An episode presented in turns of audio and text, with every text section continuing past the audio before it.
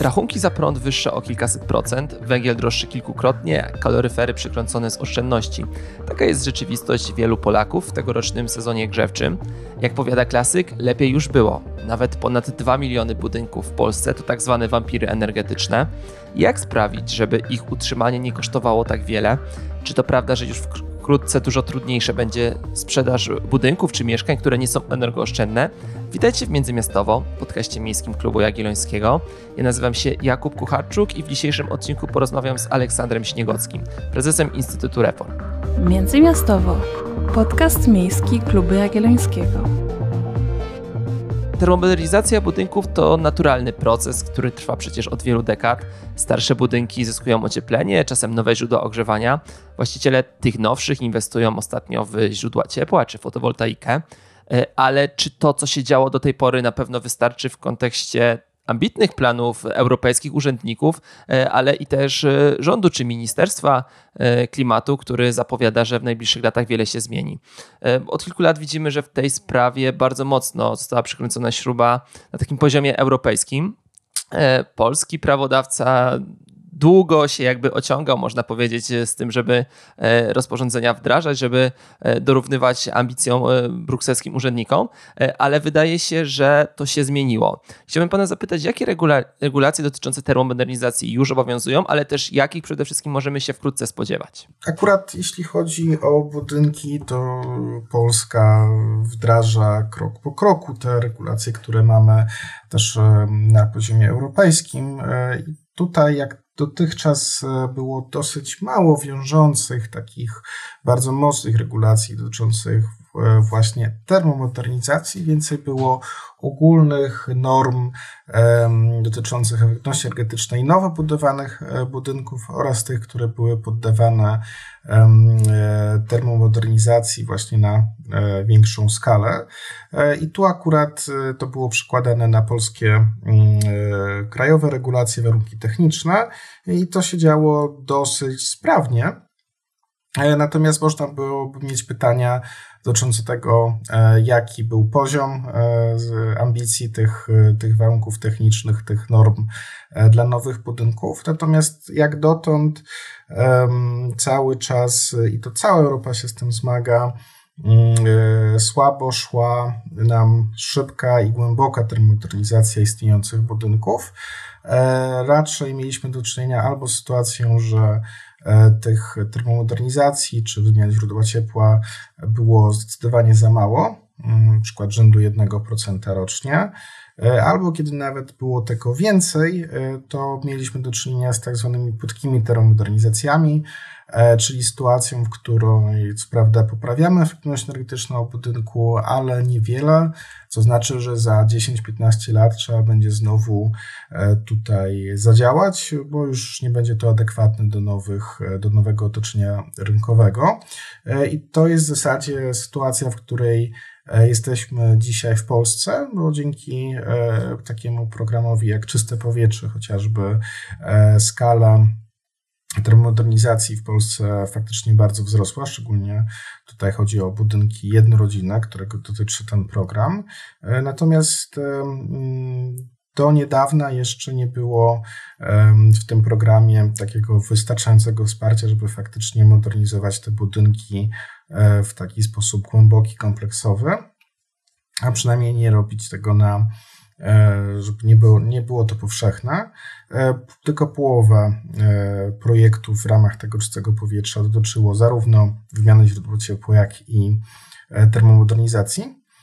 Reszta to było sama wymiana źródła ciepła przede wszystkim, a nawet te budynki, które były modernizowane, mm, ten poziom, poziom poprawy efektywności energetycznej był jednak e, za niski, jeżeli myślimy o perspektywie właśnie tej neutralności klimatycznej długoterminowej do 50 roku. Mówiąc o tym, że polski rząd e, tej pory jakby nie był bardzo mocno zaangażowany w ten temat, miałem na myśli choćby to, co się działo w innych krajach Unii Europejskiej, jak choćby we Francji czy we Włoszech.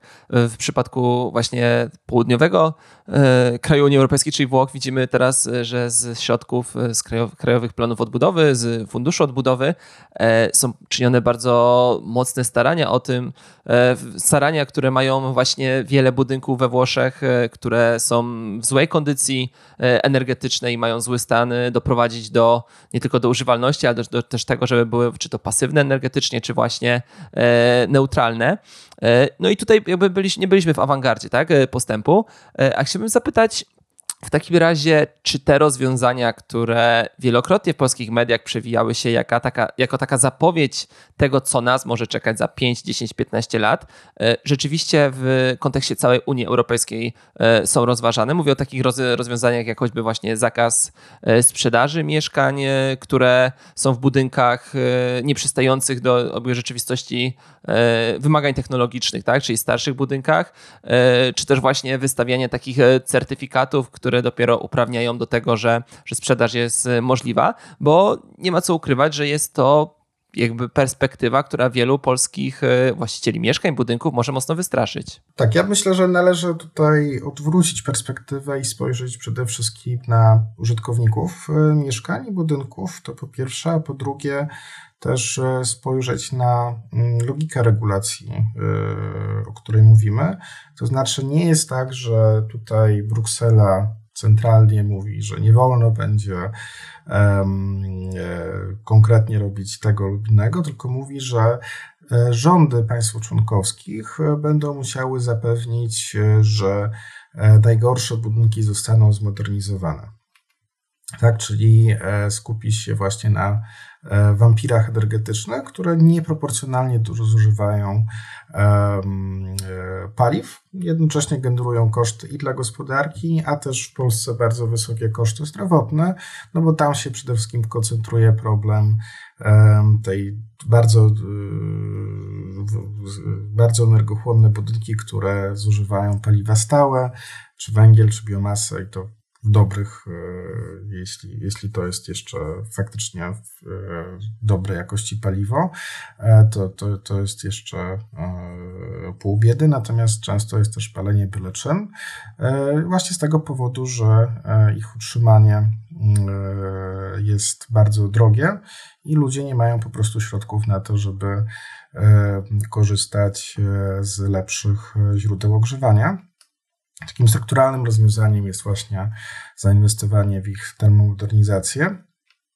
E, więc tutaj e, tak naprawdę to, co się dzieje, to podjęcie się przez rządy e, państw członkowskich zobowiązania do tego, żeby rozwiązać ten problem, gdzie jest najbardziej palący, co zresztą jest zapisane jako rekomendowany scenariusz również w naszej krajowej strategii renowacji budynków, y, która wskazuje, że właśnie te najmniej efektywne budynki powinny być modernizowane e, w pierwszej kolejności. No i teraz to jest cel, jakby rama, natomiast e, kwestia jest taka, w jaki sposób rząd polski będzie chciał wdrażać te rozwiązania. No i tutaj znowu mamy zarówno e, zachęty, e, jak, e, jak i nakazy, które może zacząć wprowadzać rząd. No i na razie, jeśli chodzi chociażby o mm, właścicieli tych budynków, chociażby jednorodzinnych, które są bardzo energochłonne, które mają stare źródła ogrzewania, no to praktyka jest taka, że raczej rząd stosuje tutaj zachęty do wymiany źródeł i jeżeli tutaj coś jest do poprawy, to raczej poprawa tych zachęt, tak, żeby te gospodarstwa, które nie mają e, wystarczająco środków, żeby skorzystać z tych dotacji na modernizację budynków, mogły jednak to zrobić. No i tutaj rząd e, od lat stopniowo poprawia ten program Czyste Powietrze. Jest jeszcze program Stop Smog, natomiast on niestety E, nigdy nie wyszedł poza taką bardzo niszową fazę funkcjonowania, obejmującą tylko po kilkaset czy parę tysięcy budynków e, w skali całego kraju. E, więc myślę, że tutaj warto się skupiać właśnie na czystym powietrzu. Więc tak naprawdę to, co się tutaj będzie działo, to zobowiązanie się rządu, że te czyste powietrze czy kolejny program skierowany dla osób objętych ubóstwem energetycznych będzie działał e, skutecznie, efektywnie i będzie prowadził do e, faktycznie modernizacji tych najgorszych, najbardziej energochłonnych budynków. E, mamy też inną sytuację, to znaczy, że jeżeli ktoś ma więcej niż jeden budynek i wynajmuje.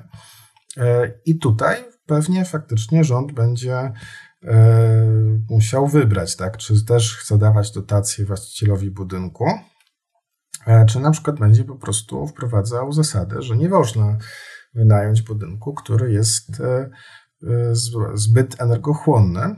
Mm, takie rozwiązania też są stosowane e, w niektórych krajach na zachodzie. E, I to też jest e, rozwiązanie, które jest sposobem na przezwyciężenie takiego problemu, gdzie w zasadzie właściciel budynku nie bardzo widzi koszty jego utrzymania, no bo ponosi je ta osoba E, która w nim mieszka. Natomiast ta osoba, która w nim mieszka, no jest, nie ma za dużo wyboru. E, nie jest w stanie zainwestować też w poprawę efektywności energetycznej tego budynku.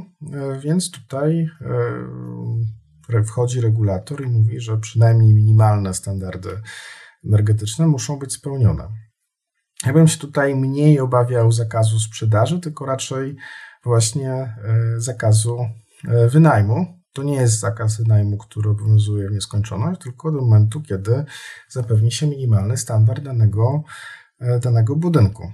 E, więc tutaj, tutaj po pierwsze znowu uspokajam właścicieli budynków, którzy mieszkają po prostu we własnych, nieefektywnych budynkach. Tutaj po prostu rząd powinien się zobowiązać do tego, żeby szybciej E, dotrzeć e, do państwa ze wsparciem. E, no i też z punktu widzenia tych osób, które wynajmują, mają kolejne nieruchomości, z których chciałaby uzyskiwać dochody dalej, no to też jest kwestia tego, że będą wymagały, jeśli są bardzo energochłonne, będą wymagały dodatkowych inwestycji. Natomiast też można będzie wskazać też osobom, które będą w nim mieszkały, że koszty ich utrzymania będą niższe, więc wcale to nie musi być e, strata, e, strata dla, e, dla tych inwestorów, którzy, którzy będą musieli dostosować te budynki do nowych standardów. Pozostając jeszcze przy tym, czego wymaga od nas Unia Europejska albo czego my powinniśmy wymagać od siebie, zgodnie z tym, co Unia nam rekomenduje, chciałbym zapytać, jak do tych e, ostatnich e, rozporządzeń i e, decyzji Unii Europejskiej ma się taki program, który przez chwilę wydawał być się flagowym programem Ursula von der Leyen, czyli przewodniczącej Komisji Europejskiej, czyli program Fala Renowacji, Renovation Wave, ogłoszony na początku jej, jej kadencji jako przewodniczącej Komisji Europejskiej. No bo ten program był bardzo ambitny w założeniach, ale potem wydaje się, że on trochę znikł z pierwszych stron gazet.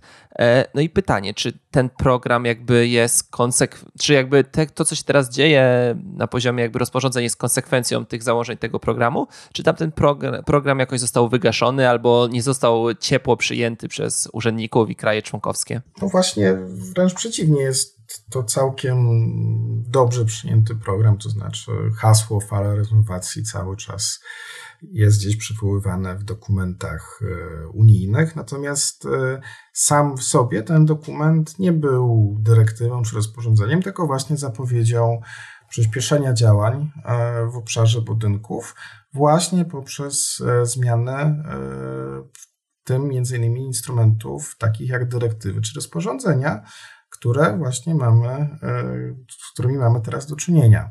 Więc tutaj myślę, że E, warto tutaj znowu uwzględnić pewną specyfikę mm, tego procesu unijnego, e, gdzie przychodzi e, nowa komisja, pokazuje priorytety na kilka lat swojego funkcjonowania, pokazuje też tematycznie, czym będzie się, czym zamierza się zajmować, zarówno jeżeli chodzi o regulacje, jak i działania poza, pozalegislacyjne. I później zaczyna przygotowywać odpowiednie dyrektywy rozporządzenia, które z kolei później są negocjowane z przedstawicielami rządów państw członkowskich i Parlamentu Europejskiego, gdzie znowu siedzą nasi przedstawiciele, więc to nie jest do końca tak, że komisja sama e, z siebie wymyśla rozwiązania, które później nikt nie sprawdza, tylko dostaje mandat od rządów państw członkowskich Unii Europejskiej, jeśli chodzi o kierunkowe działania, chociażby takie jak osiągnięcie neutralności klimatycznej do 50 roku. E, po czym przygotowuje konkretne um, propozycje regulacji, które następnie są przyjmowane przez znowuż przedstawicieli rządów oraz naszych przedstawicieli w Parlamencie Europejskim, więc e, za każdym razem te propozycje są weryfikowane, dyskutowane i zresztą często dostosowywane, jeśli chodzi o szczegółowe parametry.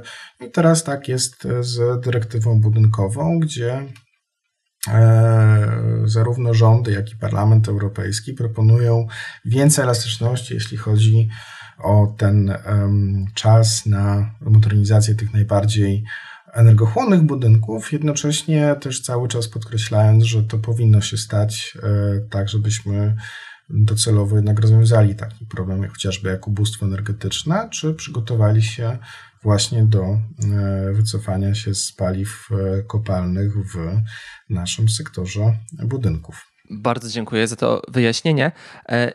E, w niedawno wydanym raporcie Instytutu Reform i teraz żebym nazwy nie pomylił, Polskiej Organizacji Rozwoju Technologii Pomp Ciepła, czyli PORT PC, bardziej, e, bardziej może być kojarzona e, pod tym akronimem. E, pojawiają, tak. się, pojawiają się takie liczby, że aż 1,8 miliona z 6 milionów budynków jednorodzinnych w Polsce to tak zwane wampiry energetyczne, czyli te budynki o najgorszym standardzie efektywności energetycznej, które pochłaniają najwięcej kosztów w ogrzewaniu, ale też jakby najsłabiej to, to ciepło wyprodukowane zachowują i, i zapewniają jakby ciepło w konkretnym budynku. E, chciałbym zapytać właśnie w nawiązaniu e, do tych liczb o to, o jakich budynkach tak naprawdę mówimy, gdy, gdy myślimy o tych, gdy rozmawiamy o tych rozporządzeniach i myślimy o tym, że będziemy musieli jako kraj e, bardzo mocno się zaangażować właśnie w termomodernizację? Czy to są te takie najstarsze domy, domki jednorodzinne na wsi, czy też wbrew pozorom duże, nowsze budynki, które jednak nie spełniały jakichś standardów technologicznych, gdy były budowane, tworzone?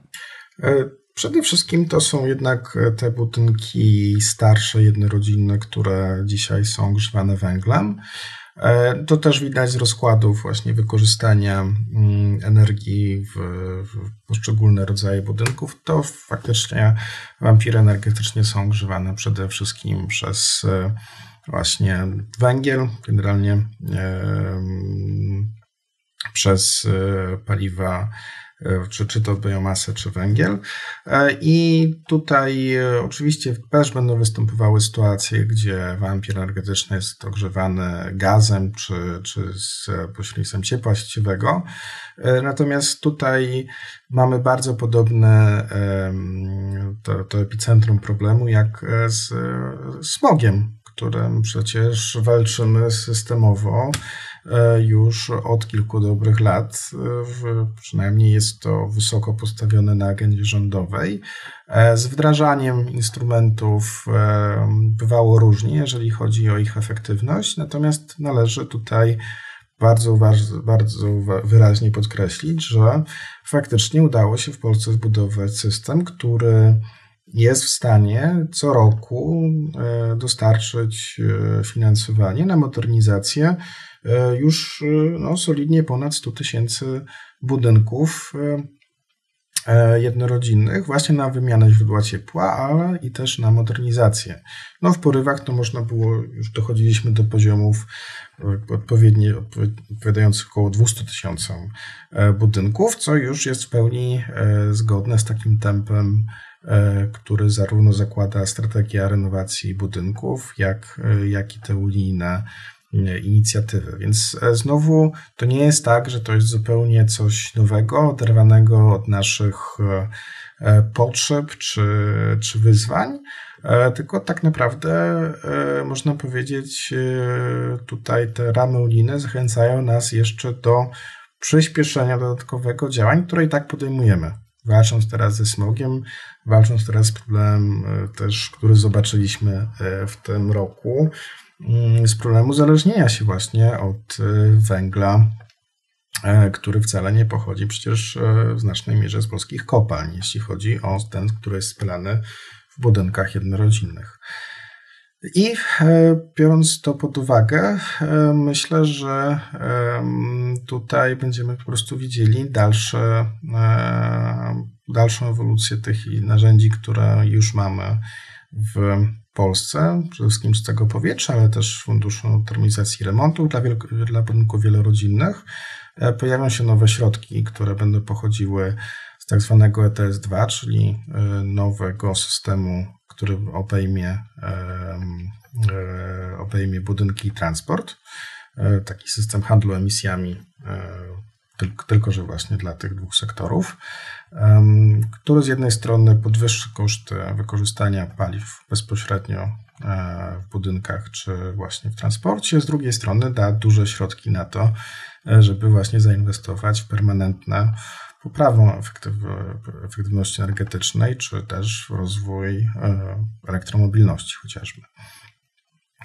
Tutaj jeszcze odpowiadając na to pytanie o problemy tych nowszych budynków tutaj w zasadzie bym się nie obawiał. E, one w perspektywie 50 roku będą musiały przejść e, częściową modernizację przynajmniej, czyli, e, czyli dostosowanie się swoich źródeł ogrzewania, tak żeby były neutralne klimatycznie. Natomiast to już jest tak, że same standardy, normy energetyczne dla budynków to nic nowego. W Unii obowiązuje też już od wielu lat. I te e, warunki techniczne, one były zaostrzane już znowu e, od wielu, wielu lat. I te budynki, które są teraz budowane, e, wcale nie są aż tak daleko, są znacznie bliżej tego standardu zeroemisyjnego niż takiego poziomu wampirów energetycznych, o których przed chwilą mówiliśmy. E, więc jak ktoś ma nowszy budynek, to powinien pamiętać o tym, że gdzieś tam docelowo w perspektywie kolejnych 25 lat czeka go e, jeszcze wymiana źródła ciepła, być może jeszcze e, docieplenie, natomiast nie będzie to jakaś nagła inwestycja z roku na rok. Również dzięki temu, że istniały stopniowo zaostrzone normy w ostatnich latach. E, przyznam szczerze, że z tego obrazu nie wyłania się przynajmniej dla mnie taki, takie cywilizacyjne wyzwanie dla kraju. E, wspomina Pan o tym, że narzędzia już mamy. Oczywiście pewnie ich skala powinna, ich skala użycia powinna być większa, no ale dobrze wiemy, że akurat e, pod względem wymiany na przykład źródeł ciepła z węglowych w ostatnich latach e, wygląda to całkiem nieźle. W tej najnowszej wersji czystego powietrza, niektórzy nazywają to czyste powietrze 2.0, e, zdaje się, że te mechanizmy działają. Problemem, problemy się pojawiają na przykład w momentach, gdy trzeba sieci przesyłowe dostosowywać. Tak? Te sieci w energetyce nie do końca nadążają, na przykład gdy mówimy o wymianie na, na OZE, E, tych źródeł ciepła, takich jak, e, jak kiedyś e, węgiel, tak, w tych domach. No ale nie rysuje się taki obraz, w którym w tym momencie powinniśmy robić jakieś, podejmować jakieś radykalne działania, które ukierunkują nas na właściwą drogę, bo wydaje się, że na tej drodze jesteśmy. Więc chciałbym Pana zapytać w takim razie, mm, jakich narzędzi jeszcze potrzebujemy, żeby ten system domknąć i żeby rzeczywiście jak najmniej w perspektywie tego 2030 roku choćby e, było w Polsce tych wampirów energetycznych. E, no i tutaj oczywiście nasuwa się pytanie, e, co z tymi domami w tym najgorszym stanie, tymi tak zwanymi wampirami energetycznymi, których właściciele nie mają środków e, na remont, tak? bo tutaj też pewnie nawiązujemy do, do innych problemów związanych czy to z planowaniem przestrzennym, rozlewaniem się miast, ale też jakąś urbanizacją. E, czy, nie wiem, programy, czy powinniśmy na przykład rozważać program, który umożliwi tym ludziom e, na przykład budowę całkiem nowego domu albo zakup mieszkania w zamian za, za to, że oni ten, to mieszkanie, ten dom, który mają, po prostu, nie wiem, zlecą do zburzenia i opuszczą? Tak, to dosyć dużo wątków, to może tak po kolei. To oczywiście fakt, że mamy już narzędzia, na których możemy budować, gdzie też y, włożono dosyć dużo pracy w ostatnich latach, żeby one powstały. Faktycznie to jest tak, że nie należy się obawiać tej zmiany.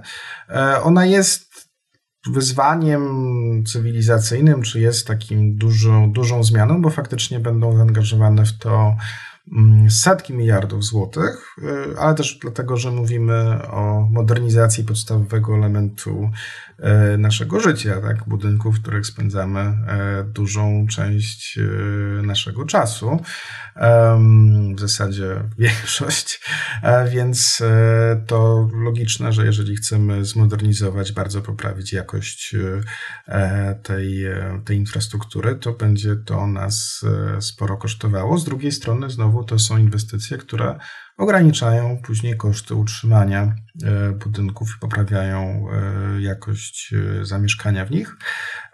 Więc tak, tutaj nie ma nie ma przed nami jakiegoś takiego niemożliwego zadania do, e, do wykonania, raczej dalsza poprawa i wzrost skali tego, co robimy teraz e, i przejście już właśnie do takiego standardu zeroemisyjnego, docelowego, e, który już będzie oznaczał, że jak już zrobimy taki mm, remont, to jesteśmy gotowi na neutralność klimatyczną.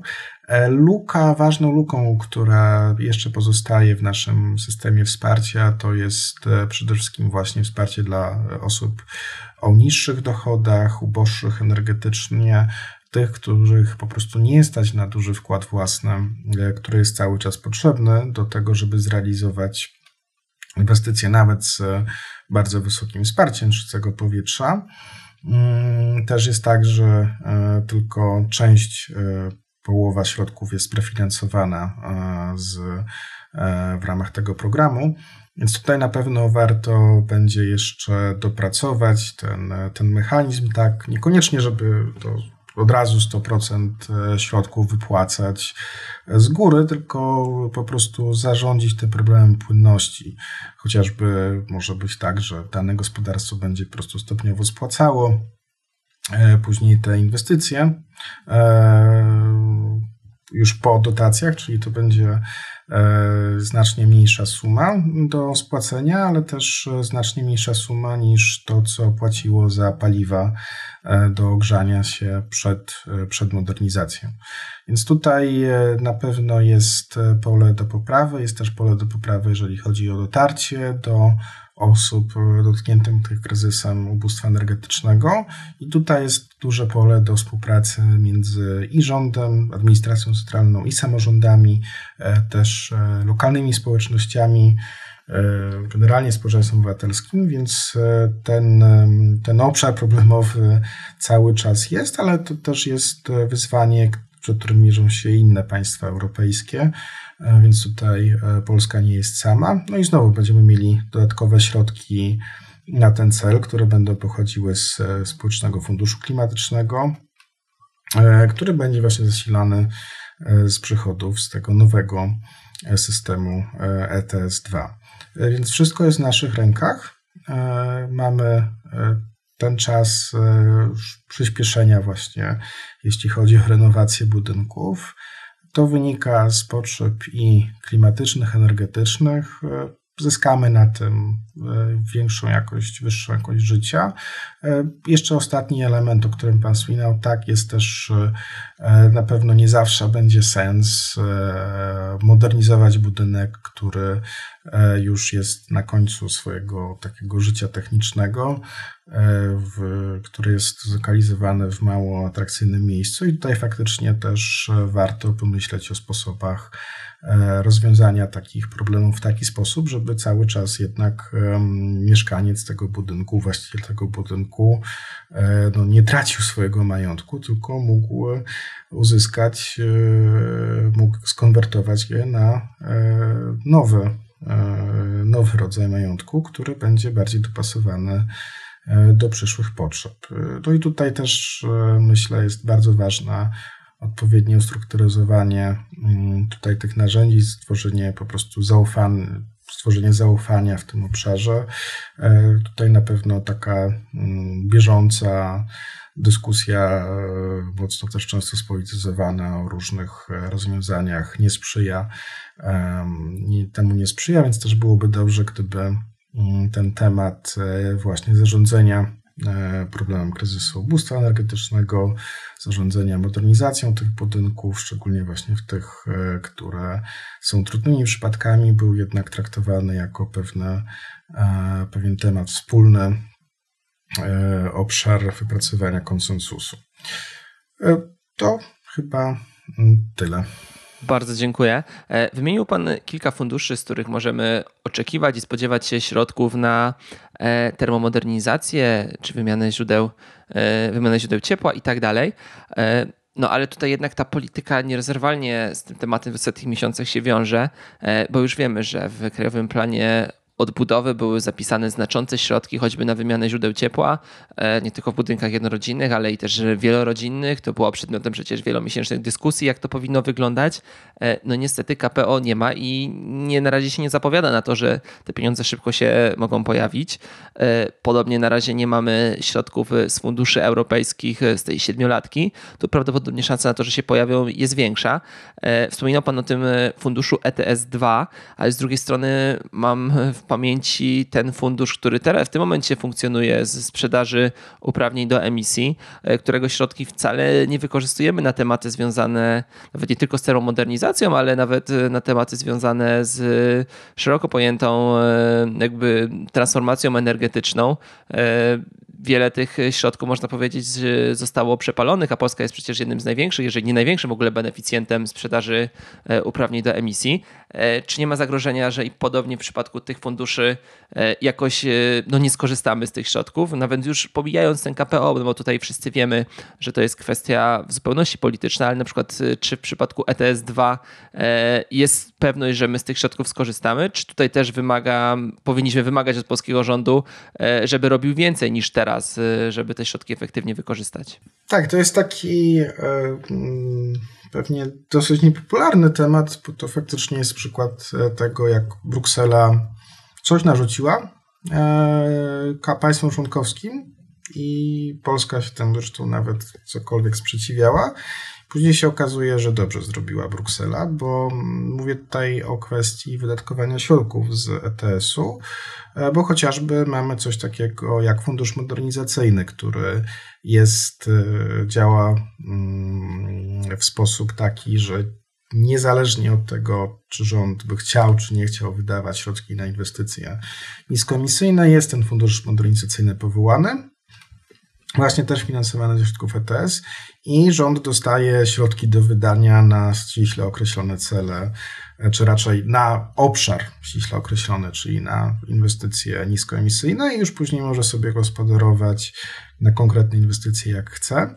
Um, oczywiście pod warunkiem, że one sam spełniają e, takie ramowe kryteria i ten fundusz działa ten fundusz w tym momencie faktycznie rozdysponowuje środki. To jest pewnie jeden z nielicznych e, funduszy, które teraz e, sprawnie w Polsce funkcjonują. Fundusz modernizacyjny już ma uruchomiony cały szereg naborów.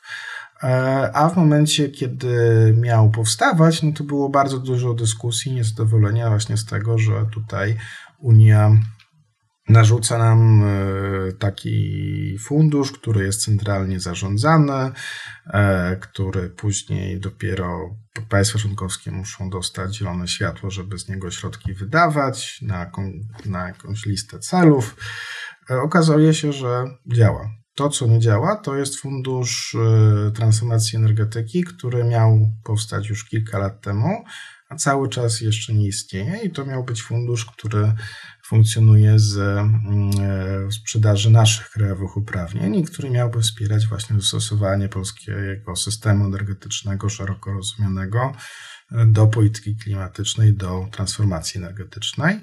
E, fundusz modernizacyjny działa, mm, fundusz tej transformacji energetycznej nie działa. Dobra, dobrym wiadomością jest to, że akurat jeśli chodzi o fundusz Społeczny Fundusz Klimatyczny, który właśnie byłby finansowany z ETS-2, no to on jak najbardziej jest e, uregulowany na poziomie unijnym i Polska nie ma za dużo elastyczności, jeśli chodzi o to, czy chciałaby wydawać środki z e, e, tego funduszu na założone cele, czy, czy jednak na przykład wrócić to do budżetu. Będziemy musieli wydać te środki na modernizację, przy czym jednocześnie cały czas jakby po naszej stronie jest elastyczność do tego, jak konkretnie chcemy zaplanować wydatkowanie, na które konkretne rodzaje inwestycji, jaka jest intensywność wsparcia. To jest po naszej stronie, natomiast regulacje unijne po prostu wymuszają na nas, żebyśmy faktycznie te środki kierunkowo wydali na transformację.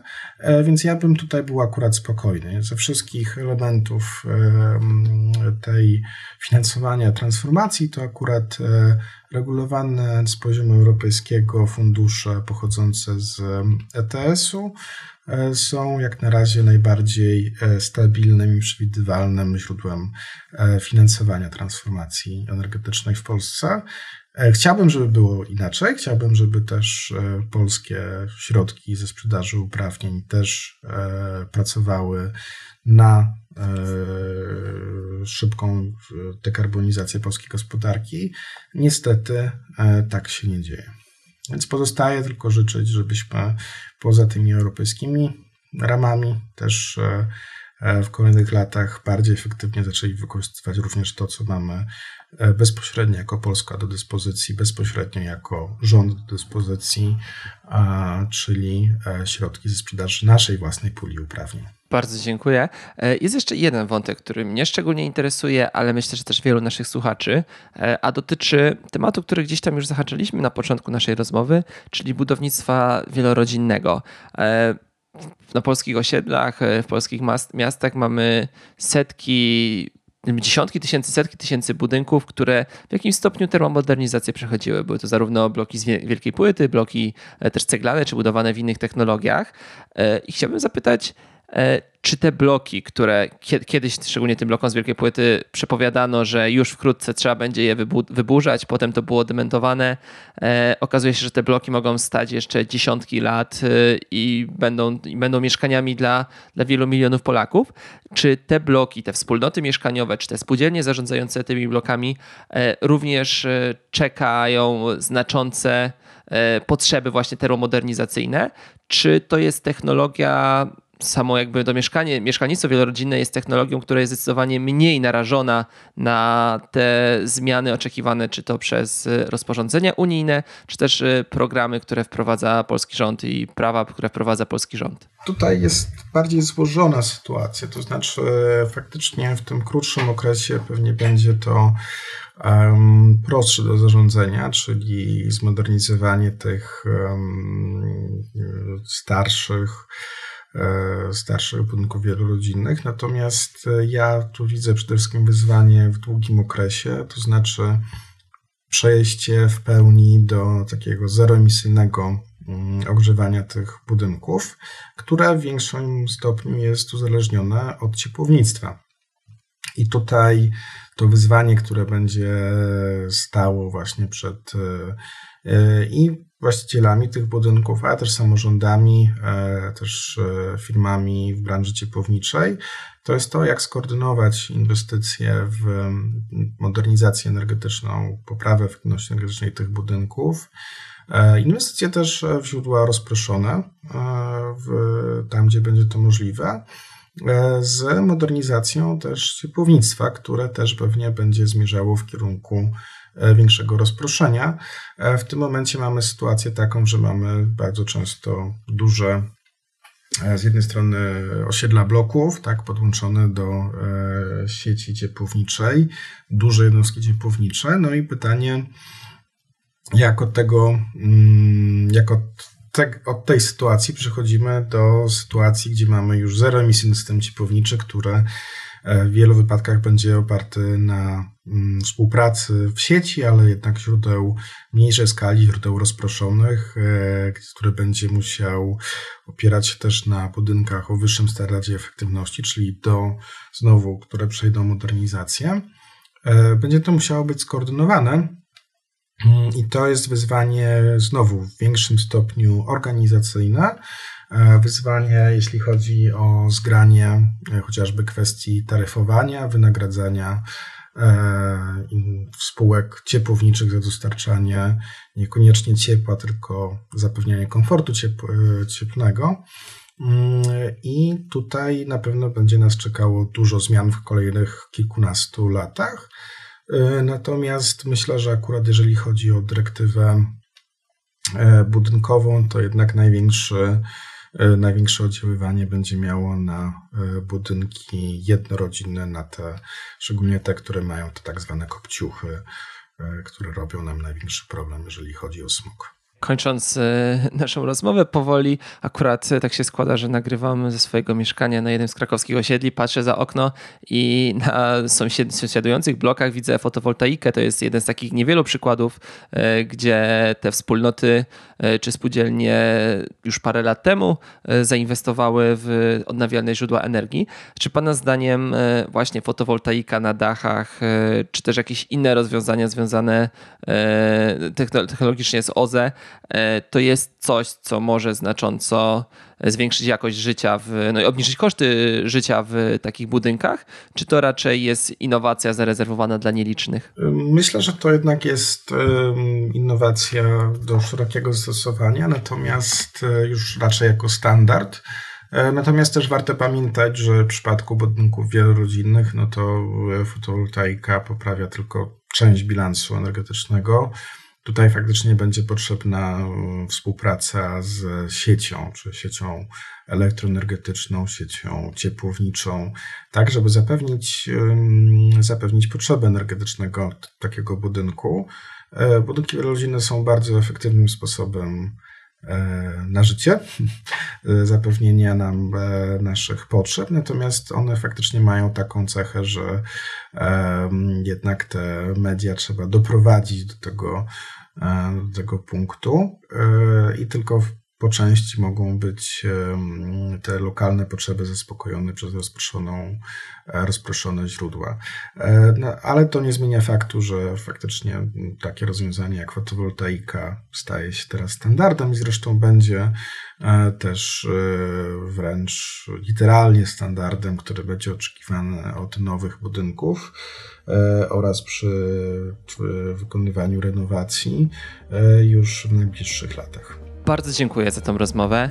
Aleksander Śniegocki, prezes Instytutu Reform, był gościem dzisiejszego odcinka Międzymiastowo. Ja oczywiście dziękuję Wam wszystkim za to, że wytrwaliście do końca naszego odcinka, no i zachęcam do subskrypcji Międzymiastowo. Do usłyszenia. Międzymiastowo. Podcast miejski Kluby Jagiellońskiego.